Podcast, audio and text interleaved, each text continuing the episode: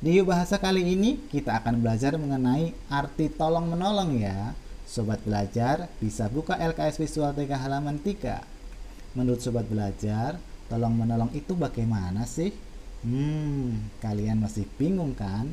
Untuk itu, mari kita simak cerita yang akan kakak sampaikan kali ini.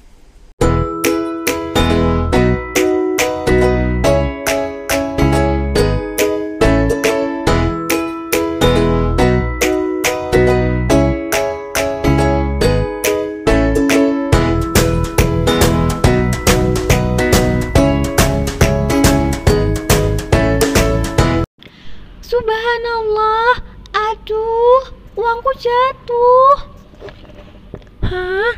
Uangnya jatuh di mana, Aisyah? Aku nggak tahu, Lini.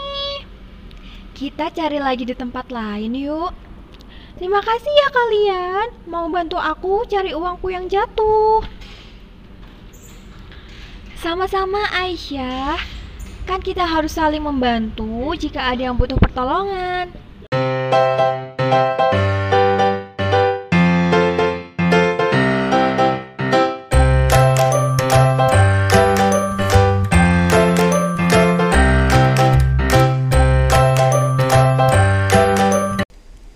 Jadi, kita sesama manusia itu harus saling tolong menolong karena suatu saat pasti juga akan membutuhkan pertolongan orang lain.